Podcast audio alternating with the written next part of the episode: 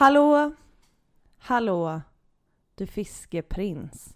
Kom upp ur djupet där du finns. Då vill jag höra hur jag låter när jag pratar så här. Men nu spelar vi in. Jaha! Nu är det inte... Gjorde ju precis en ljudkod. Jag vet, men jag tänkte, jag vet inte varför det blev så här. Det är också så jävla kul att jag alltid får någon speciell röst när vi ska kolla ljudet. Ja, verkligen. Jag försöker Eller är det verkligen kul? Är kul ordet vi letar efter? Jag vet inte. Nej, kanske Jag inte för panik. dig som får Jag höra vet inte det vem varje den där vecka. människan är. Nej, Ljud, men ljud. Nu testar vi ljudet. Och jag bara, kommer du prata sådär genom och nu hela låter avsnittet? jag så här. Och nu provar jag ljudet. Och jag får, jag får alltid panik för jag bara, vadå ska du prata om din sorgebearbetning med den där rösten? för då, då vill jag lägga ner podden nu.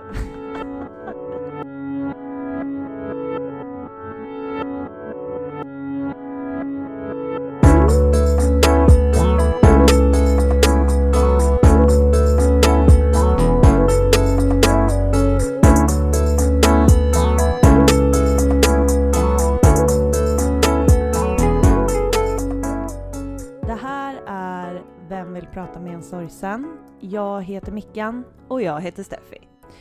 Alltså, eh, hur, det var så varmt i, natt. Åh, jag vet. Jag höll på att liksom bli en svettpöl. Och jag kom hem så här, ja men typ när Anton hade somnat igår för att jag hade suttit barnvakt, tro ingenting annat ni som lyssnar. Nej men jag, jag kommer hem eh, och han har ju liksom redan värmt upp sängen lite. Ja, fy fan. Gud vad hemskt. Och du vet så här, gardinerna är fördragna och nej, det var så varmt. Ja, det var så gud. varmt Steffi. Vidrigt. Jag ligger där, Anton somnar. Alltså han sover på det sjukaste sättet. Ben flyger åt höger och vänster. Va? Ja! Så fort jag höll på att somna in, alltså du vet, fick ett knä i ryggen Nej men typ. gud. Han rörde på sig så mycket och du vet, jag, jag verkligen, jag typ slog på hans ben. Han vaknade liksom inte, alltså du vet så här. Åh, och så var det så jävla varmt. Nej, för fan vad hemskt Mikael. Så vid typ så här klockan ett i natt, jag bara nej, jag tänker aldrig mer gå igenom det här. Nej. Beställde en AC-fläkt. alltså så jävla bra gjort ändå. ja, och nu måste du också göra det. Ja, jag vet. Alltså jag måste verkligen göra det. Ja, din lilla Polly. Ska vi prata lite om din Polly? Nej, det behöver vi inte göra. Den har ju blivit så bra nu så Gud vad härligt. vi kan, eh, vi behöver inte prata mer om den. Fortsättning följer. Ja. Nej men alltså. Hur mår du? Eh, jag, jag Pigg ju, och sval? eh, Nej, inte riktigt. Men jag har ju faktiskt till skillnad från dig sovit ganska bra i natt. Jag, eh, alltså det känns som att jag har kommit in i en lite bättre så sovrutin, kanske den senaste veckan liksom. Eh, och det är, alltså det gör så mycket för mitt lilla psyke. Det är så himla bra. Men eh, alltså jag upptäckte någonting med mig själv den här veckan. Jag fick jättebra nyheter Mm. i veckan. Och eh, då blir jag först, alltså jag blev så himla glad. Alltså Ja. verkligen så glad. Och sen typ fem minuter efter det så fick jag bara jättemycket ångest. Mm. Och så var jag såhär, vad fan, vad, vad är det här nu då? Varför, varför mår jag skit nu helt plötsligt? Eh, och tack och lov då så hade jag faktiskt ett psykologsamtal eh, senare den dagen. Och eh, när jag sitter och pratar med henne så inser jag bara att så här, det är liksom att när jag får, när jag fick det här beskedet så kom liksom alla känslor med det. Det var liksom att det blev glatt och sen så insåg jag att det var så, så himla många olika saker jag, som jag behövde ta itu med i och med det. Och då kickade liksom det här som har varit med min sjukskrivning, att jag har haft svårt att ta tag i saker. Alltså det var typ som det här bra beskedet. Det gjorde liksom, du bara oj nu måste jag också göra ett, två, tre, fyra. Exakt. Och det har ju varit liksom en av mina så här, jobbigaste saker under liksom, sjukskrivningen. Och eh, så förstod jag det. Eh, och sen så, för, liksom, så landade det också i mig att så här, fan, det här hade Lussan blivit så jävla glad för. Mm. Och att fan, alltså så här, hon var ju den jag ville berätta det för liksom. Och så att det bara var, liksom allt det här kom på samma gång i och med ett besked. Och min psykolog var typ så här, men det kanske bara är så du reagerar på saker nu. Alltså så här Ja. att det är mycket känslor, för att det är Mm. inte så jävla konstigt, du lever också med, den här, med det här traumat liksom. Ja men och jag tänker att det är lite så som vi har pratat om i podden flera gånger. Att ingenting som är väldigt glatt kan vara det längre. Nej. För det finns alltid en känsla av att någonting fattas i den situationen. För hon fattas alltid i Exakt. den situationen. Exakt. Och, nej men och då var hon så här, hon bara du, du måste liksom acceptera dina känslor i det här. Och det var då jag insåg att jag inte, hade, att jag inte riktigt hade lärt mig det än. Okej, så du, det blir som att du eh, typ straffar dig själv. Exakt. När du får alla de här ångestkänslorna Mm. när du egentligen borde vara glad typ. Mm, exakt. Mm, Och så insåg jag att jag hade liksom lite jobb kvar att göra på den fronten liksom. Ja. Mm. Nej men jag tror typ att det där, jag tror typ inte att det där, gör man klart det jobbet? Eller så här, det kan ju absolut bli bättre för det, jag var ju med dig i stora delar av den här dagen. Tyvärr så var ju jag världens sämsta stöd eftersom jag själv, eftersom jag själv gick runt och hade en riktigt dålig ångestdag. Alltså det är två så sköra personer hela tiden. Jag mådde så dåligt, alltså det här, det är liksom min ångest eh, back in the days, den yttrade sig väldigt ofta i hypokondri. Mm. Och det här var, det var liksom tillbaka till det. För det jag gick ju runt och trodde att jag skulle bli blind. Ah, just det! Ja, Men gud, eh, ja det var alltid så du höll på förr. Mm, jag vet. Jag trodde alltid jag hade olika sjukdomar. Fram till att Lussan blev sjuk och jag förstod, alltså vad har jag hållit på med? Nej. Eller du vet så här, Ja. när man var med om det på riktigt så typ ställdes man inför sin egen löjlighet Mm. som ändå hypokondri är. Inte för att förminska för att jag, det har varit jätte, jättejobbigt. Men för mig så blev det den känslan liksom att jag bara, vad har jag gått runt och hållit på med? Mm. Så nu riktar jag min ångest åt andra håll och kanter. Nej men det var så länge sedan jag hade en sån reaktion, men jag gick runt och jag bara Steffi, Steffi ser, jag ser, jag ser inte, Hänger mitt öga. kolla, hänger mitt, hänger mitt öga här. Ja men eh, shit vad hemlig du låter som bara, ja vilket jätteroligt besked. Ja, jag vet. Vad, har du gått och blivit influencer? Du Ja, bara, Exakt. kan inte berätta om det här för er än. Och så jävla Alla bara, vi bryr oss inte. Nej. det är ju typ ingen som bryr sig. Jag tror att våra lyssnare bryr sig. De Ja, kanske. Men eh, det var i alla fall bra nyheter. Mm. Det var det ju. Men summa summarum är i alla fall att jag vill bli snällare mot mig själv. Mer, Mhm. alltså så här, eh, med att bara acceptera, alltså när vi hela tiden pratar om den här acceptansen. Mm. Jag vill liksom bli bättre på den också gentemot mig själv. Mm. Speciellt när det kommer till mina reaktioner, mina känslor. Mm. Ja men det, det tycker jag låter som en uh, jättebra grej. Alltså, vad fan var det vi... Uh, gud vi pratar ju om sådana här saker hela tiden känns som. Ibland så är det typ så här, vi pratade om det i podden. Nej det gjorde vi inte, det var alla andra dagar vi pratade om det. Eh, alltså vi pratade ju om så här eh, någon gång att man kan liksom inte hjälpa vilka saker som kommer till en. Så här känslor och tankar. Mm. Men man, är inte, man står inte helt maktlös inför att så här möta de tankarna och känslorna och lite försöka vända dem till sin fördel eller vad man ska säga. Exakt. Och det är det jag tänker att, eh, att du kan göra. Mm. Och som jag har gjort med min hypokondri. Om jag får de tankarna så blir jag så här, nej men sluta. Mm. För, Förutom den här gången. Det Nej, nu- inget stopp på den här. Nej! Nej. Fan, Steffi, häng mitt öga. Kan du kolla? Är du säker? Är du säker? Ser inte jag sned ut? Men eh, Micken, hur mår du? Nej men jag, eh, jag mår väl bra. Ja. Vad övertygande du var. Ja verkligen. nej men jag vet inte. Alltså jag tycker att det är, ja det är så upp och ner och hit. Alltså det är också så här att kan, man, kan det bara få vara neutralt? Förstår du? Jag Mm. behöver inte ens må bra. Men det är som att så här, eh, typ, ja men du har fått jätteroliga nyheter, vi har fått väldigt så här bra nyheter. Alltså det, det har hänt typ så mycket bra. Mm. Jag kan inte hantera det. Jag får, jag, jag får inte den där känslan som du beskriver att det är, eller det får jag också, men jag får bara panik. För att jag, jag går runt och bara, nej men det kan inte hända så här mycket saker, alltså att jag, jag blir typ stressad Men av att gud, det händer bra ja. grejer. Men jag, eller jag vet ju det. Men alltså vad tror du att det beror på? Att jag eh, har tagit mig vatten över huvudet. Ja.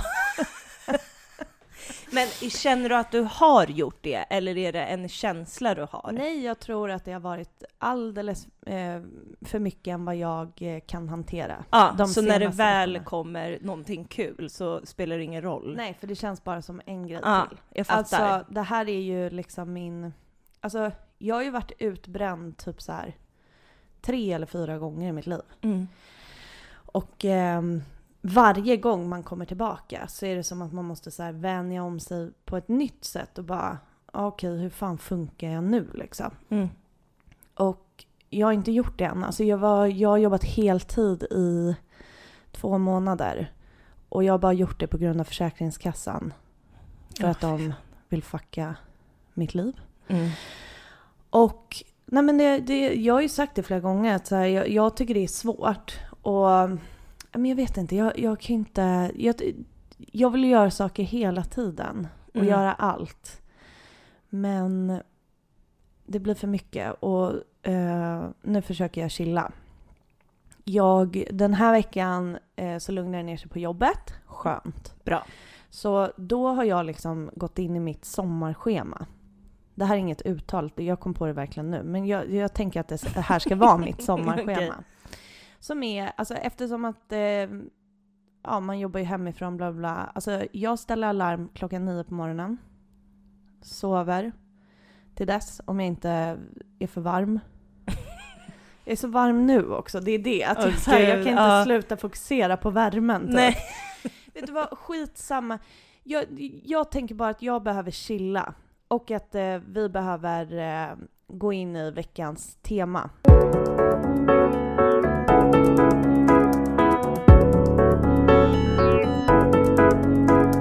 Steffi, Ja, Mikael.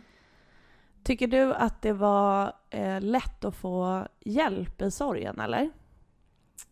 Ehm, nej, det tycker jag verkligen, verkligen inte att det var. Sjukt om du hade svarat ja nu. Ja. För att eh, då hade hela avsnittet hade det varit blivit slut. noterat. slut.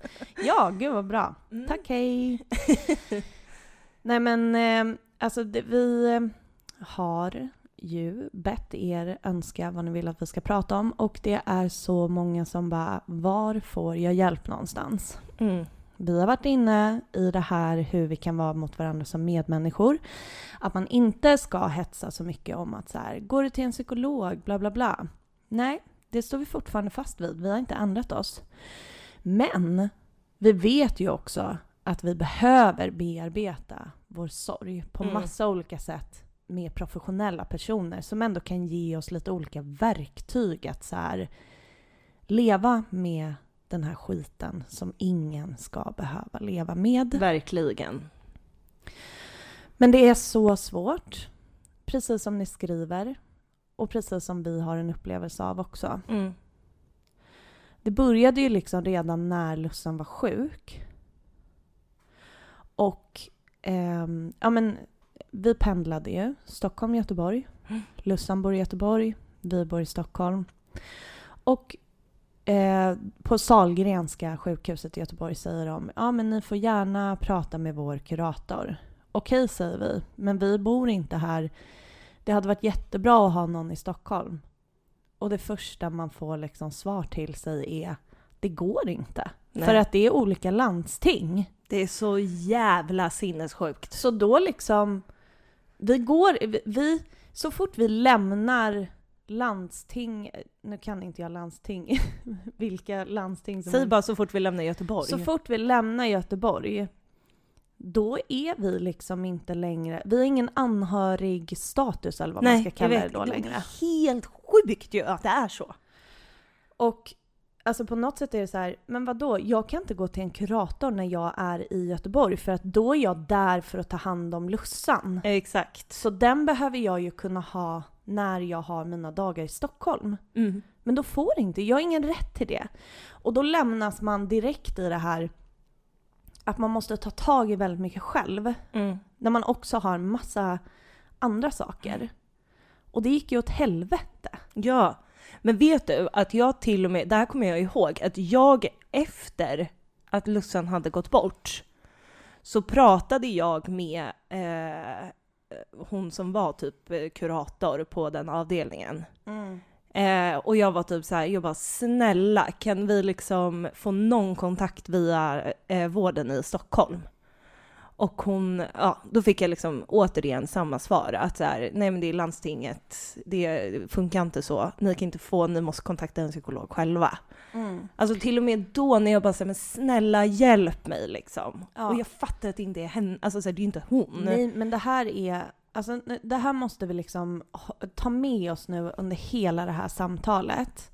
Du och jag, Steffi, och alla ni som lyssnar. Att det här är inte enskilda personer som är problemet. Nej. Det här är liksom ett helt system som är så jävla fucked up. Mm. Och som verkligen inte tillåter oss att vara i sorg, att liksom få ta oss tiden och bearbeta och lära oss vilka vi är, hur vårt liv är nu och så vidare Mm. Efter att vi förlorar någon eller under tiden den personen är sjuk. Mm. Om det inte liksom klaffar på exakt rätt sätt. Jag tycker bara att det är så jävla sjukt, du vet när jag tänker så här. Men vad då? vi, bor vi liksom i olika landsting? Bor inte vi i ett land som heter Sverige? Mm. Nej. För alltså, jag vet inte, jag, ty, jag tycker att det är helt... Nej men jag får, ja jag vet, jag får liksom inte, jag får inte ihop det hur, hur det måste vara att man bo, ska, måste bo i samma stad som den personen som är sjuk för att ens få hjälp. Nej, Det, är liksom, det går ju inte ihop överhuvudtaget. Nej men och på något sätt så är det så här att där eh, kommer ju vårt eh, första liksom, möte och vårt första, en, vi försökte ju eh, ändå så här, kan vi få hjälp? Mm. Och man får till svar att så här, nej men vi kan inte, vi kan inte hjälpa er. Där får man liksom sitt första möte och sin första erfarenhet då av att så här, okej, nej, eh, det här, det är svårt, Mm. typ. Och vi vet ju liksom att alla erfarenheter vi bär med oss påverkar oss. Så när vi lär oss att det är svårt, Mm. då kommer det fortsätta kännas svårt. För att vi vet ju inte vad vi ska göra. Nej. Och också det man måste ta in i beräkningen är kraftansträngningen som krävs. Bara att fråga, jag, liksom en person, jag behöver hjälp. Att få ett, ett liksom nej då, att det inte funkar. Att återigen då be om den hjälpen, det kräver så mycket energi från en. För mig så tog det ju alltså så här, ganska lång tid eh, innan jag eh, bad om hjälp igen efter att liksom, vi inte fick den där hjälpen. Menar du nu efter att Lussan gick bort eller? Efter att Lussan gick bort. Under tiden så tror jag inte att jag eh, var hos en psykolog en enda gång faktiskt. Men eh, jag hade en eh, psykolog via jobbet som du vet man får så här betalt. Och jag gick dit Alltså efter... du som jobbar i privat Exakt, ja, ja, ja, ja, ja, 100 procent. Inte jag. Nej. Snälla rara. Men då krävdes ju, det var ju inte ens på mitt eget initiativ jag gick dit, det var väl 100% du som sa så här, nu måste me." du gå, det är ju det. Men it's always me. Ja. Och då hade jag ändå, jag hade det så enkelt att jag kunde bara ringa dit och säga hej jag vill ha en tid och så fick jag en tid. Fast då är väl du också tvungen att uppge att du behöver den tiden för att du inte klarar av ditt jobb. Alltså det måste ju vara så arbetsrelaterat. Exakt, det är det, det, är det som är, blir nästa problem. Att det Jo, är, men fast Steffi, ja. Absolut ett problem. Men nu pratar du om en privat vårdförsäkring Mm. som är via ditt jobb. mm. Ja, alltså ja. det är inte... det- Det är inte jättekonstigt att ditt jobbs vårdförsäkring säger att om du ska få psykologhjälp via oss så behöver det vara arbetsrelaterat. Förstår det är jag det absolut inte. Nej, det är inget konstigt. Och jag, det, Nej, tyvärr nej, så nej. kommer jag liksom Nej, inte... men det jag ville komma med, den, alltså det, min poäng med hela det här var inte det. Nej. Poängen var att så här, jag hade inte orken att ta den kontakten själv. Mm. Det krävdes ju att du sa till mig, nu ringer du till psykologen Mm. och gör det nu. mm. typ. Och då gjorde jag det. Mm. Att det liksom, det, det, det, jag, klarade, jag klarade inte det själv. Nej, men och det... Alltså det, det, det måste liksom gå i hand att vi har så här fungerande vårdinstanser och att vi har förståelse för varandra som medmänniskor och vad man behöver hjälp med. För att alltså, jag kan ju fatta att det inte automatiskt kommer ringa en psykolog till mig från så här, landstinget och bara hej, jag ser att det här händer i ditt liv, du borde kanske komma hit och prata. Eller aj, fan vad nice det hade varit. Det, hade varit, det hade varit toppen. Men skitsamma, jag fattar att det inte är så. Ehm, men att det är så eh, svårt och att jag tänker att anledningen till att du gick via din vårdförsäkring på jobbet är för att erfarenheten av Alltså att det, det var svårt, det tog lång tid att ens få någon att prata med liksom från alltså vården som Mm. är landstinget. Att den erfarenheten var att det var svårt gjorde ju att det var mycket enklare för dig att gå via den här vårdförsäkringen. Exakt. Och som kanske inte heller var, den var ju inte liksom rätt typ av hjälp för mig då. Det var Nej, inte det väl liksom, klart, för du behövde ju sorgbearbetning. Exakt. Du behövde ju inte lära dig hur du skulle hantera ditt jobb nej. i den. Men och det är det här, liksom alla de här sakerna gör, ehm, jag vet inte, det är som att så här, för mig har det blivit att jag eh, lite har så här tappat tron på att min sorg betyder någonting. Alltså jag jag ska försöka förklara det här. Men när jag mötte vården första gången när jag skulle sjukskriva mig så kommer jag till en läkare. När var det här då? Det här var eh, två veckor efter att Lussan hade gått bort. Mm. Eh, och då ska jag få en förnyad sjukskrivning på två veckor. Och eh, jag sitter liksom med den här läkaren och hon, eh, hon eh, säger så här. Ja, men jag, eh, jag sjukskriver dig i två veckor. Sen så är du sjukskriven på 50% en dag så att du kan känna att du kommer tillbaka in i jobbet. Och Perfekt. sen så går du tillbaka på 100% Mm. i tre dag. veckor Mm. innan du går på semester. Ja. Ehm, och jag har ju ingen aning. Jag säger bara, jaha, okej, ja, då gör vi så. Och eh, hon sitter liksom och förklarar så här, ja men det kan ju Jo, vara ganska som- bra med liksom en distraktion, Mm. ehm, liksom få tänka på någonting annat som inte har med det här att göra. Och sen så börjar hon berätta liksom sin personliga historia om när hennes pappa hade gått bort och att hon hade känt att det var jätteskönt att komma tillbaka till jobbet. Mm. Och det är liksom lite det här, jag menar att så här, det var hennes erfarenhet, att det var bra. Och därför så liksom så blev det också så hon gjorde för mig. Och det är jäkligt problematiskt. Att så här, att det beror på så himla mycket vem du träffar i vården. Mm. Eh, för att bilden av sorg genomsyrar inte bara samhället, den genomsyrar också vården. Vården är ju en del av samhället. Ja, ja, absolut. Det är sant. ja, men den, I alla fall, att liksom bilden av sorg finns så himla mycket i vården också. Och då är det ju, alltså så här, det finns ju liksom inte en gemensam bild, utan det är ju vad varje läkare då har för egen bild av Ja, vad sorg är. Ja men verkligen. Och att eh, alltså vi, vi har verkligen intalat oss själva det här med att det är jättebra att distrahera sig. Att så här, Exakt. eh, och att göra det väldigt snabbt in i sin sorgbearbetning. Mm. Men alltså en enkel googling och du börjar läsa om sorg så står det överallt så här att du måste, du måste bearbeta sorgen. Mm. Och det kan komma och gå och hit och dit och det håller på längre än vad man tänker och så vidare. Men det här har vi liksom ändå inte tagit till oss som så människor i Sverige. Utan vi tänker att det är en god vecka efter att någon har gått bort. Mm. Sen blir det lite jobbigt igen när det är en begravning. Och sen, sen är det väl bara att återvända eller? Sen är man klar. Ja. Det är så stört.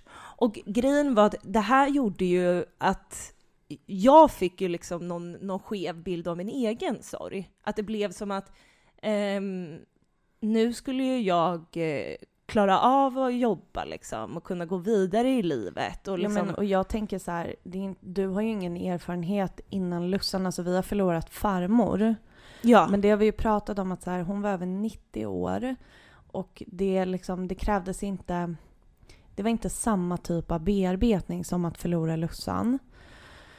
Så att du gick väl också runt med den där bilden av hur en sorgebearbetning mm. fungerar liksom. Mm. Och sen så får man som en jävla käftsmäll när man väl sitter i situationen och bara va? Nej, det här är inte alls som jag hade fått berättat för mig eller Nej. bilden jag hade av hur allting skulle vara.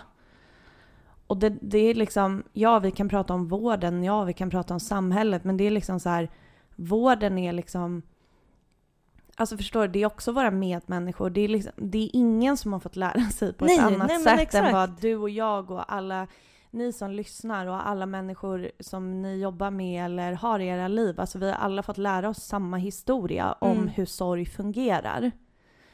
Och den är väldigt eh, snäv typ. Mm. Den, den återspeglar verkligen inte hur, hur eh, du och jag har känt och hur så många som skriver till oss känner liksom. Mm.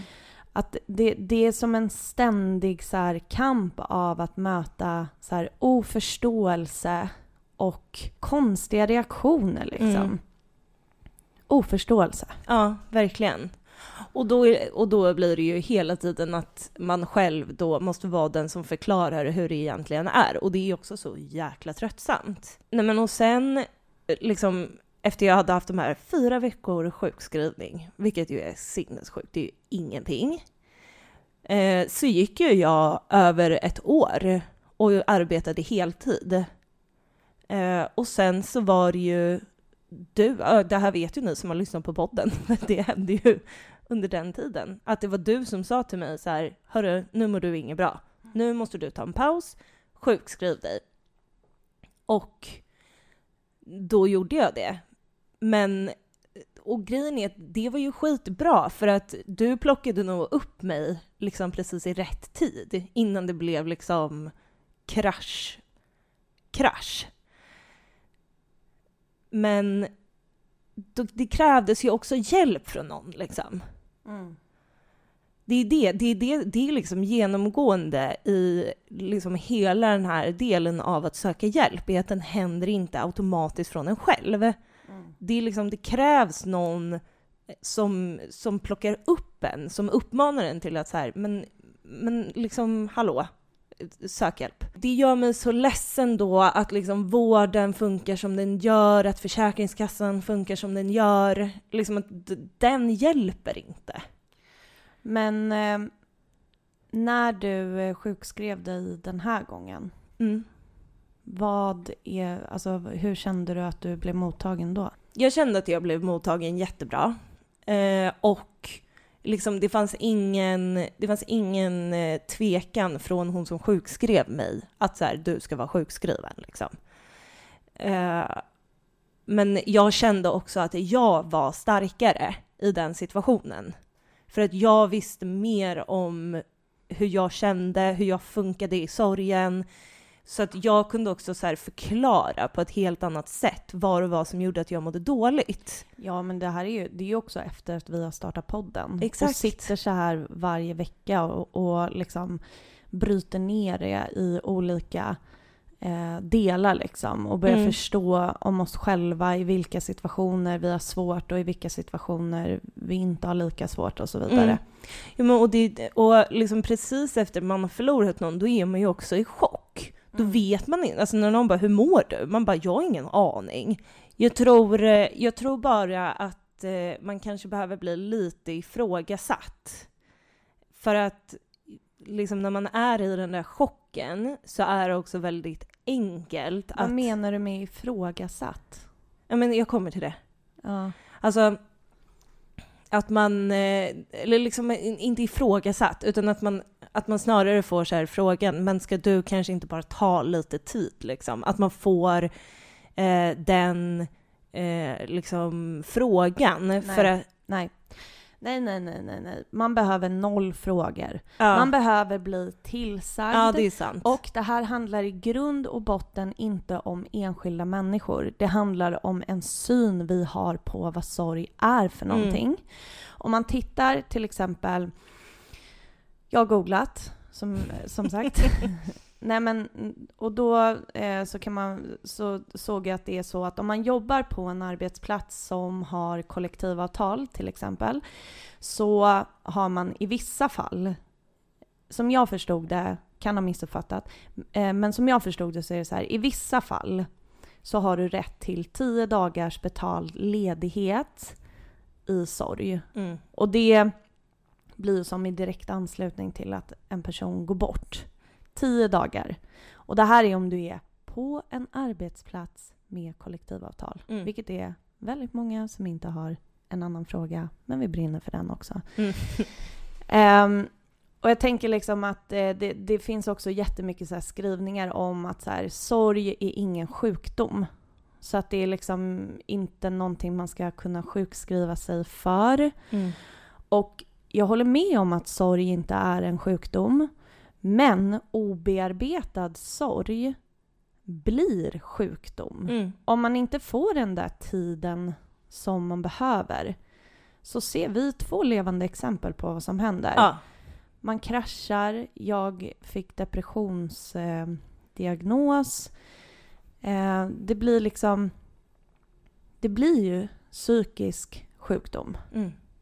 Så att jag tror liksom att det, det, det handlar liksom i grund och botten om att vi som samhälle måste tänka kring sorgen på ett helt annat sätt. Mm. Vi måste liksom få inpräntat i oss från att vi är små att så här, när saker händer, när du är i en traumatisk extrem situation, då är det okej att du tar eh, dagar off eller månader off Mm. liksom. För att det är viktigt att du får bearbeta och läka så att du sen kan komma tillbaka. Mm. Men det, det, den synen har vi ju liksom inte. Nej. Och det, här, det är liksom så många olika delar i det här för att det är också så här, ja men som vi pratade om att så här, finns en bild av att det är så bra att distrahera sig från sorgen. Att det är, det, vi är också liksom ett samhälle som tycker att det är jätteviktigt att prestera massa saker hela tiden. Ja. Till och med när vi är i sorg så känner vi att det finns förväntningar på hur vi ska berätta om vår sorg. Att vi själva känner kanske skuld om vi inte är tillräckligt ledsna när vi pratar om personen vi sörjer och saknar. Mm. I alla delar i våra liv så ska vi känna då att så här, vi måste vara på ett speciellt sätt. Mm. För att vi har lärt oss någonting om vad sorg är. Vilket är så jävla fuckat. För Mm. alltså, när jag tänker på att sorg på olika sätt är en del av prick alla människors liv. Och att vi ändå går runt och tänker de här tankarna och tror att vi måste vara på massa olika sätt. Det är så här, vad har vi gett oss in på Steffi? För att vår, vår, ett av våra mål är ju liksom så här, vi måste, vi måste bli bättre på att prata om sorg, vi måste Mm. ändra så här, synen eh, på sorg, Mm. bla bla bla. Nej men det är så stort. Jag vet, det är, det är enormt. På tal om eh, att göra-lista liksom. Får du panik nu?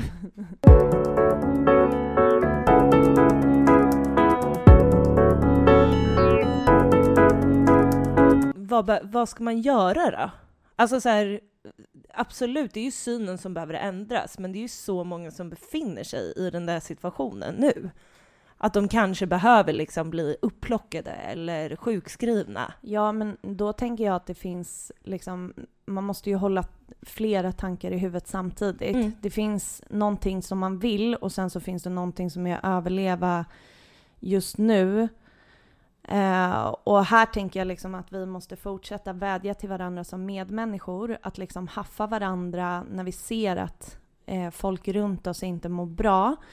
Eller bara förstå att sorg inte är någonting som man kan distrahera sig från. Eh, bara inte fråga massa saker, hjälpa till, hjälp din person att söka hjälp. Mm. Absolut att det finns eh, föreställningar i, inom vården och så vidare. Men det finns ju också hjälp att få. Jag tycker att det är viktigt att säga liksom att Mm. så här, ja du mötte den där personen precis efter Lussan hade gått bort men både du och jag har ju också mött två helt andra eh, läkare Mm. som har varit väldigt inkännande, inlyssnande och tillgodosett våra behov jättemycket liksom. Och ja, men, som min läkare till exempel har ju kämpat som fan med mina sjukintyg för att jag ska fortsätta ha rätt till sjukpenning när Försäkringskassan har sagt att så här, det verkar inte som att du har svårt att jobba längre. Nej. Så att det finns verkligen hjälp att få. Mm. Och hjälpen finns på din vårdcentral. Mm. Den finns där. Ja. Och sen så är det jätte... Alltså, det, det, det, är liksom, det är så orättvist för att det är så olika vårdcentraler och olika... Liksom, inte olika bra, men att det liksom finns olika förutsättningar för olika... Så beroende på var i landet man bor Mm. och eh, beroende på vem man själv är och så vidare. Och liksom, herregud, eh, så här, kvinnor och vården och alltså personer som rasifieras och vården och man inte kan svenska språket ordentligt. Alltså det är så här, Mm. det, det liksom comes down to så himla mycket vem du som söker hjälpen också är. Mm. Och det suger och så kan vi inte ha det och det måste vi prata jättemycket om. Men jag tänker ändå att så här, det, det finns hjälp och vi hjälper varandra Mm. om inget annat. Mm. Det finns ju också så här utöver då vård så har du typ så här organisationer. Om du som vi har förlorat någon till cancer så finns Ung Cancer Ja. till exempel. Ja. Det finns eh, cancerkompisar. Det finns här, vi föräldrar som har förlorat barn. Mm. Det finns eh, typ så här eh, Suicide Zero om man har den erfarenheten. Eh, alltså det, det finns eh, Gyncancerförbundet kanske de heter. Alltså det, Mm. finns, det finns många olika liksom, organisationer, människor, instanser där ute som ändå vill hjälpa till. Mm. Jag kan lätt tänka mig att liksom samla ihop också, typ på Instagram, att vi Exakt här, vad jag tänkte. vad, vi- vad vet ni? Mm. Vad vet, var har ni fått hjälp någonstans? Mm. Eh, eller har ni inte det? Eller så här, men några av oss har ju faktiskt fått bra hjälp och några av oss har verkligen inte fått det. Mm. Men vi kanske kan hjälpa varandra i att så här, samla ihop typ, okej men det här finns faktiskt. Ja. En annan sak som, eh, jag ringde typ ett, eh, vad kan den heta, typ så här cancerlinjen eller ja, någonting sånt. det. Där sitter eh, sjuksköterskor som har erfarenhet och jobbar med cancerpatienter. Och, alltså du kan, jag ringde när, under tiden Lussan var sjuk, berättade liksom om situationen och hade ett jättefint samtal Mm. med en sjuksköterska.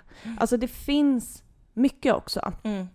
Ja, och eh, jag tycker att det är en jättebra idé att, eh, att vi samlar ihop lite, för att det, kan, det upplevde jag ändå var svårt.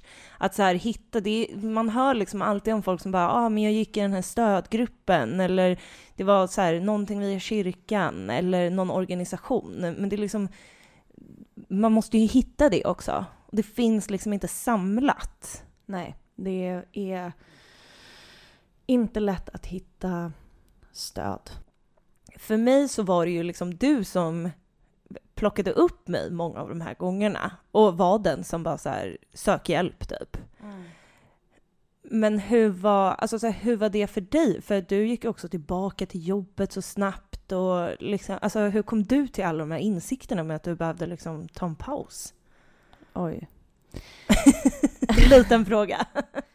Ehm, det växte nog fram eh, sakta men säkert. Men jag var ju 100% den här människan som, som trodde att, jag, att det var bra att distrahera sig från sorgen. Mm. Men faktum är att det var ju i ganska så samband med att eh, corona kom förra året Mm. och jag började jobba hemifrån och man slutade kunna göra saker som jag fick tid att känna hur jag egentligen mådde. Mm. Och när det, när det liksom sköljde över mig, då blev det bara värre och värre och värre tills det liksom inte fanns någon återvändo. Och det fanns liksom inget alternativ. Men då hade det också då hade det gått så lång tid av att så här, inte bearbeta överhuvudtaget. Mm. Men kan du känna liksom att den tiden då var bra för dig att få? Att du fick liksom den där pausen, att, in, att inte kunna distrahera dig med en massa? Att du fick pausen då att kunna sitta och verkligen fundera på hur du kände? Ja, eller så här, bra. Den är fullkomligt nödvändig Ja. för att man ska kunna typ fortsätta ha något slags liv. Mm. Men den kom ju alltså, ett år efter då att Lussan gick bort. Mm. Och det var ju jättejobbigt när det hände för att det, alltså det blev ju det blev liksom inte eh, bara en sorgbearbetning utan det hade ju också, ja men som jag sa, så här, sorg är ingen sjukdom. Men min obearbetade sorg hade ju blivit en depression som jag inte ens visste att jag hade. Mm. Och så kanske det inte hade behövt bli Nej. om jag hade fått slow down earlier. Men och då kände du liksom att du behövde någon som egentligen plockade upp dig lite? Ja, men uppenbarligen. Ja. Alltså uppenbarligen, jag har ju sagt det tusen gånger så här. Varför sa ingen till Mm. mig när, jag, när vi precis har förlorat Lussan bara, vad fan håller du på med? Mm. Och det var ju precis det som hände när, alltså i väldigt tät sam, sammanslutning med att jag sjö, sjö, jag kan, Sjökskrev. Men det är inte podden om inte Nej. du har ett talfel någon nej, gång. Nej, det är sant. Eh, nej men så eh, lärde jag känna en person, väldigt loll eftersom man inte fick träffa någon, men eh, skitsamma. Eh, så lärde jag känna en person som bara, varför är inte du sjukskriven? Mm. Eh, och det- var liksom, det var så lite som behövdes. Alltså en person som bara pushade mig lite i rätt riktning för att jag skulle känna så här, "Ah, vad fan är det som pågår? Vad Mm. håller jag på med? Och alltså tänk om det hade funnits i mitt liv då. Mm. Men jag tycker att det är så, eh, så bra med henne för att alltid när vi träffar henne så säger jag typ, jag bara "Åh, jag är så trött. Och hon bara garvar åt mig och bara det är så kul att du är så förvånad alltid över att du är så trött. Hon bara, du har liksom det där enorma traumat. Alltså så här, en av få personer som verkligen så här bekräftar en det, så man, man kommer ihåg typ, oj ja, jag är ju mitt i det här typ. Ja men och grejen är att det säger ju jag till dig också, men jag är ju Ja. för nära dig. Ja.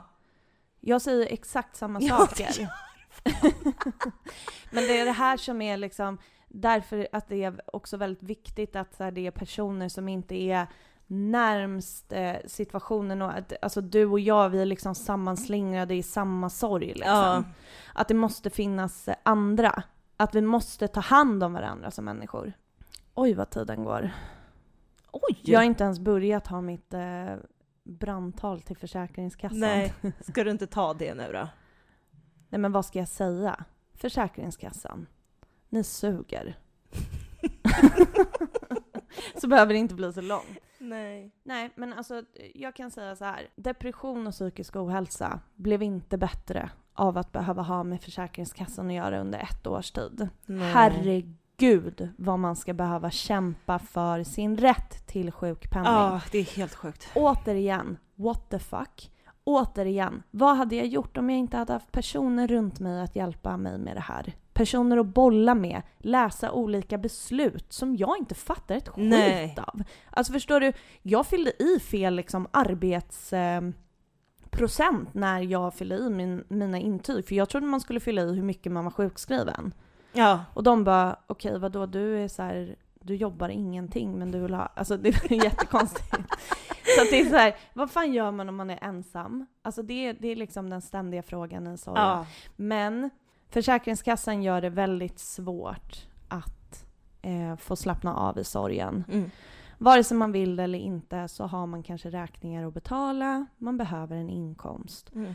För att ha en inkomst när man inte klarar att jobba så behöver man kunna ha sjukpenning. Mm. Men så länge vi har den här bilden av sorg som vi har så har man ingen rätt till det när man är i sorgen. Nej. Nej, Försäkringskassan, jag ber inte er sjukdomsklassa sorgen, men jag ber er att bli bättre på psykisk ohälsa och förstå vad som triggar och skapar psykisk ohälsa. Mm. Och förutom depression så är det 100% ni. Mm. Tack för mig.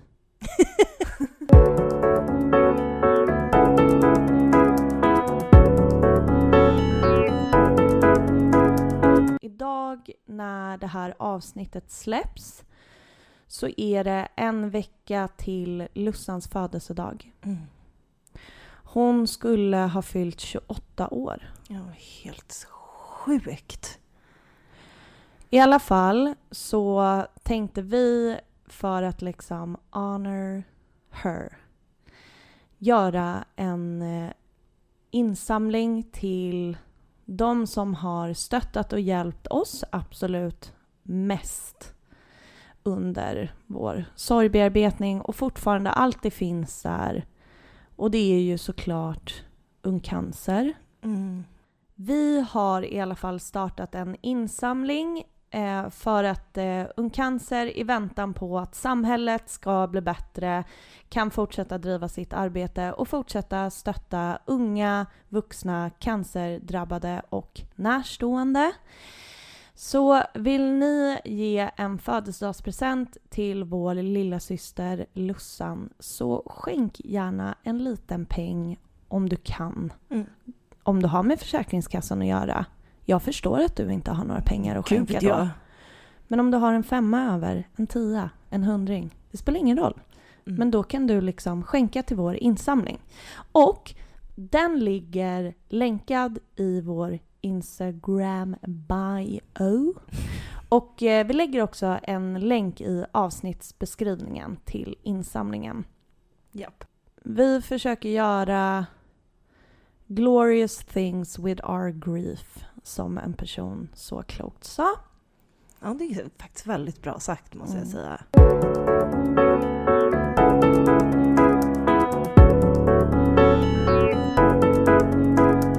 Vi finns på Instagram där vi heter Vem vill prata med en sorgsen?